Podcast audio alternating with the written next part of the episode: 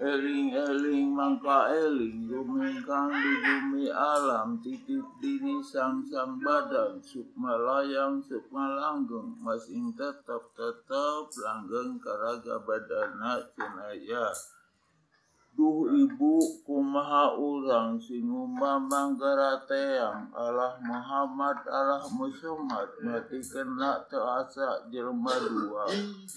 Sir jeung rasa ibu jeung rama ibu masihan berem rama masihan bodas de ilaha illallah Muhammad Rasulullah. Sada truba trubi terbuka raga badana sinaya. Sukmakna sina manjing jeung ragana sinaya. Raga sina manjing jeung sukmakna sinaya. Sukma saja tining manusia La ilaha illallah Muhammad Rasulullah Hari ini seperti biasa di setiap Sabtu sore setelah asar, Wa Uju mengumpulkan para pemuda di halaman rumahnya ia memang sudah mempersiapkan segalanya hari ini. Sebab sudah sejak pagi, Wauju meminta izin kepada para tetangga terdekatnya untuk menggunakan halaman rumah mereka sebagai antisipasi jika jumlah pemuda yang ikut berkumpul bertambah. Wauju mempunyai kebiasaan sering mengobrol dengan tetangganya, terlebih setelah pensiun dari pekerjaannya sebagai guru sejarah SMA. Kini, dia mempunyai cara baru untuk tetap bisa mengobrol dengan tetangganya setiap hari yaitu dengan selalu meletakkan koran langganannya yang sudah dia baca di halaman rumahnya. Lalu ketika salah satu tetangganya datang dan asik membaca koran, dia kemudian menghampiri dan mengajaknya ngobrol. Tapi obrolan bisa apa pun. Tapi Mbak Uju selalu memulai dengan apa yang menarik bagi tetangganya dari apa yang dibaca. Setelah itu dia hubungkan dengan contoh peristiwa yang pernah terjadi di masa lalu. Anak muda yang berkumpul hari ini memang bertambah. Halaman rumah Wauju yang luasnya hanya 3 kali 3 meter tak mampu menampung semua pemuda yang datang. Apalagi Wauju masih tetap setia menggunakan protokol kesehatan. Jarak yang sebegitu penting membuat halaman Wauju dimakan jarak setiap orang untuk tetap tidak terlalu saling berdekatan. Di halaman rumah Wauju terdapat dua rak tempel berisi buku-buku sejarah, tumpukan majalah, dan koran lokal yang tersusun rapi. Belum lagi beberapa kali bekas kue yang berisi rempah yang sengaja diletakkan di halaman agar bisa diambil kapan saja jika tetangga membutuhkan. Katanya itu merupakan salah satu cara bagaimana kita menerima dan membantu orang lain. Sama seperti dulu ketika setiap rumah meletakkan gentong air di halamannya. Karena dengan begitu, siapa pun yang melakukan perjalanan bisa minum kapan saja jika kehausan. Sudah dua tahun ini, Mbak Ujung menginisiasi gerakan kampung Jangjawokan. Tapi yang terlibat masih saja sedikit. Sebagai pensiunan guru sejarah di sekolah menengah, Mbak Uju dalam beberapa tahun ke belakang semakin percaya bahwa virus corona yang mewabah sejak tahun 2020 awal terus menciptakan suatu kondisi ketidakpastian. Karena meskipun pemerintah menentukan kebijakan normal baru sejak pertengahan tahun 2020, jumlah orang yang terpapar virus corona tetap bertambah dan kondisi ketidakpastian yang tetap berlangsung sejak 10 tahun yang lalu sampai hari ini sangat berdampak pada keseharian di lingkungan terdekatnya di Cisatu. Sudah beberapa kali gelombang virus corona mewabah, kekerasan dalam rumah tangga, percobaan bunuh diri, dan kriminalitas terus terjadi. Selama pandemi, memang tidak ada yang terjangkit di Cisatu. Tapi kalau dikaitkan dengan pengetahuan kita Sejak ada virus corona, kita terus terdesak oleh pertanyaan, hidup hari ini dan esok bagaimana? Setiap orang butuh makan. Wah, bukan ahli pandemi. Tapi setiap wabah datang, wabah yang lain pun akan ikut datang, yaitu wabah penyakit sosial. Apakah kita peduli? Kita telah peduli dan akan terus peduli ungkap Pak Uju di tengah-tengah obrolan. Gerakan Kampung Janjawokan adalah gerakan untuk terus sehat secara fisik dan psikis. Inisiatif Pak Uju untuk membuat gerakan ini muncul setelah dia tidak pernah lagi mendengar kabar baik di televisi atau koran tentang perkembangan virus corona dari pemerintah. Nama Janjawokan dia pakai setelah dia merasakan bahwa buku-buku sejarah yang dia baca dan diajarkan kepada murid-muridnya selama bertahun-tahun tidaklah cukup untuk membuat orang benar-benar belajar dari masa lalu. Ada peristiwa keseharian yang tidak tertulis, tapi sangat penting untuk diambil pelajarannya bagi hidup saat ini dan masa depan. Di antara titik putus asa dan acuh tak acuh, Uju kemudian membuka-buka kembali majalah Mangle lama yang terbit di sekitar tahun 80-an. Itu membuatnya mengingat generasi lama kampung di satu, seperti almarhum bapaknya dan terutama Abah Oma.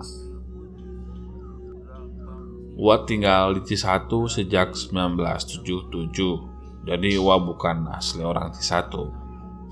Wa lahir karena ibu Wa bekerja di rumah Menteri Dalam Negeri Ibu Ipik di Gunung Karam Cimbuleuit setelah pindah dari Ciamis.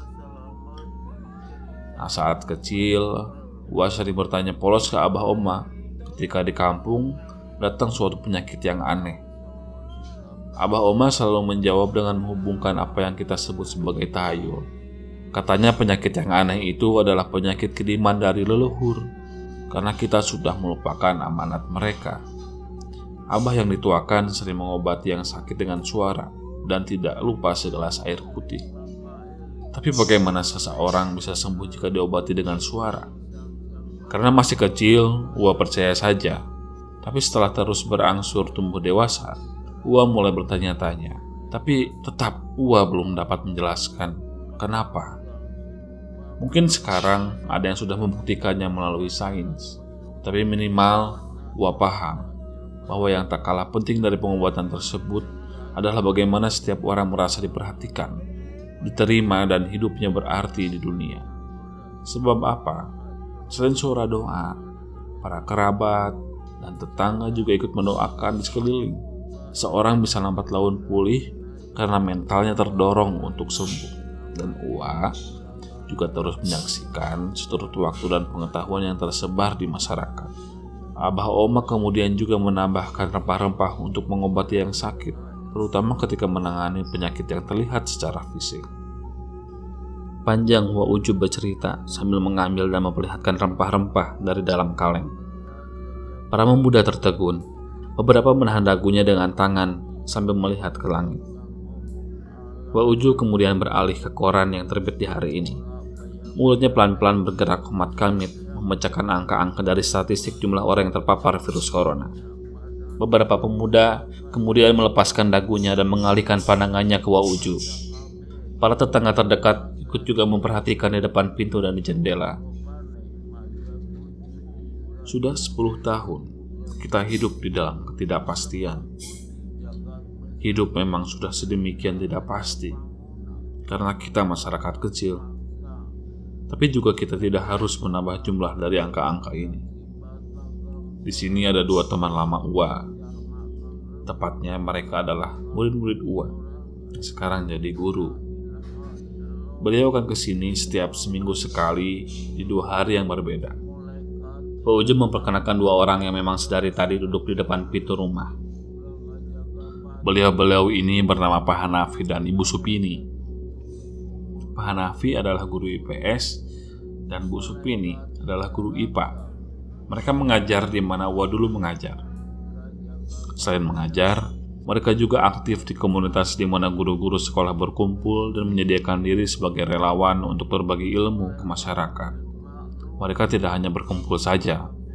Setiap saat dengan teknologi terkini, mereka dapat saling bertukar info dan memperbaharui ilmu mereka dengan guru-guru atau pendidik di luar Bandung dan di luar negeri yang juga membuat kegiatan yang serupa.